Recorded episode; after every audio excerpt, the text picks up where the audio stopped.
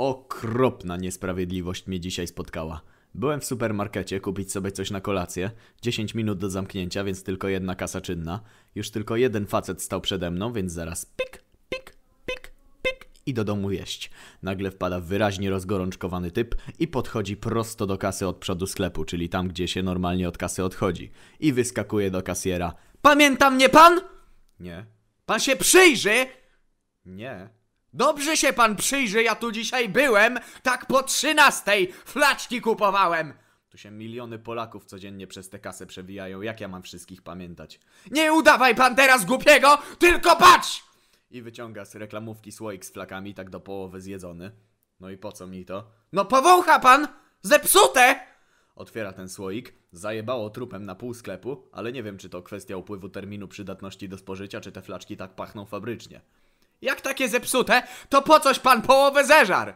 Nic nie zjadłem! Mi jeszcze życie miłe! W garnku mam, bo przelałem, żeby podgrzać i wtedy poczułem. A skąd ja mam wiedzieć, że pan nie zjadłeś, a teraz reklamujesz? Spokojnie, spokojnie! Żona już tu za mną idzie, tylko powoli, bo gorące, żeby się nie oblać.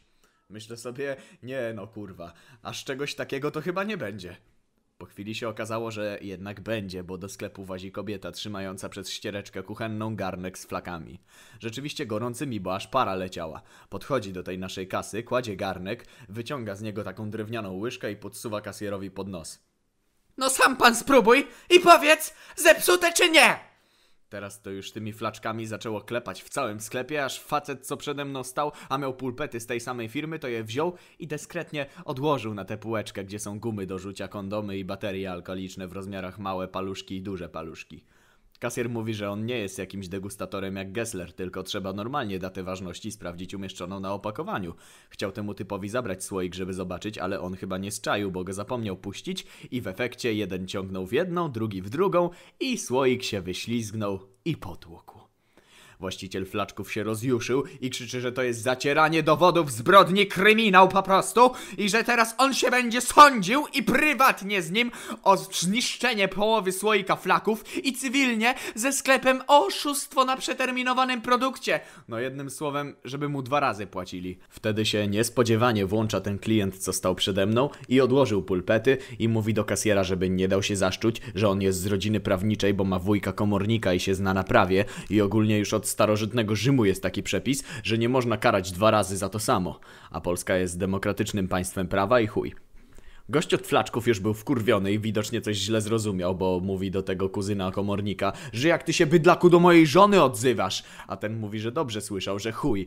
No to flaczkarz już do niego leci z łapami, już ma być awantura, a tu nagle kasjer wstaje, ściąga czapkę, mówi, że on to pierdoli, że on już dłużej w tej robocie nie może, że on odchodzi.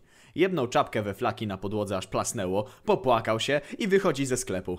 Żona, ta co garnek przyniosła, mówi do tego swojego męża. Widzisz, Marian, co znowu narobiłeś? Lecz się z panem przeproś! I widać było, że wszystkim zamieszanym zrobiło się głupio. Nerwy opadły momentalnie, a Marian poszedł za sprzedawcą i mu mówi, że w gruncie rzeczy to nic się nie stało, to, to tylko jakieś tam głupie flaki za 10 zł, jakoś na pewno się dogadają.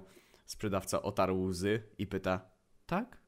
To Marian mu mówi, że tak, że jasne. To się jeszcze włączył ten gość z rodziny prawniczej i powiedział, że on służy pomocą jako mediator i w tradycji prawnej istnieje coś takiego jak sądy pokoju, a żona Mariana mówi, że to jest bardzo piękne i wzruszające określenie i jeżeli mają w sklepie jakiś czajnik, to może ona by herbaty zaparzyła i by sobie wszyscy na spokojnie porozmawiali, a mogliby i flaków zjeść, bo w gruncie rzeczy to nie są takie złe. No i poszli wszyscy z tym garnkiem na zaplecze do pokoju socjalnego, pełniącego chwilowo funkcję pokoju sądowego, a właściwie sądu pokoju. Ja czekam jak głupi przy tej kasie, że może się jakoś szybko pogodzą albo jakiś sprzedawca przyjdzie na zmianę, bo inaczej to mi do jedzenia pozostają tylko chipsy z monopolowego 24-godzinnego.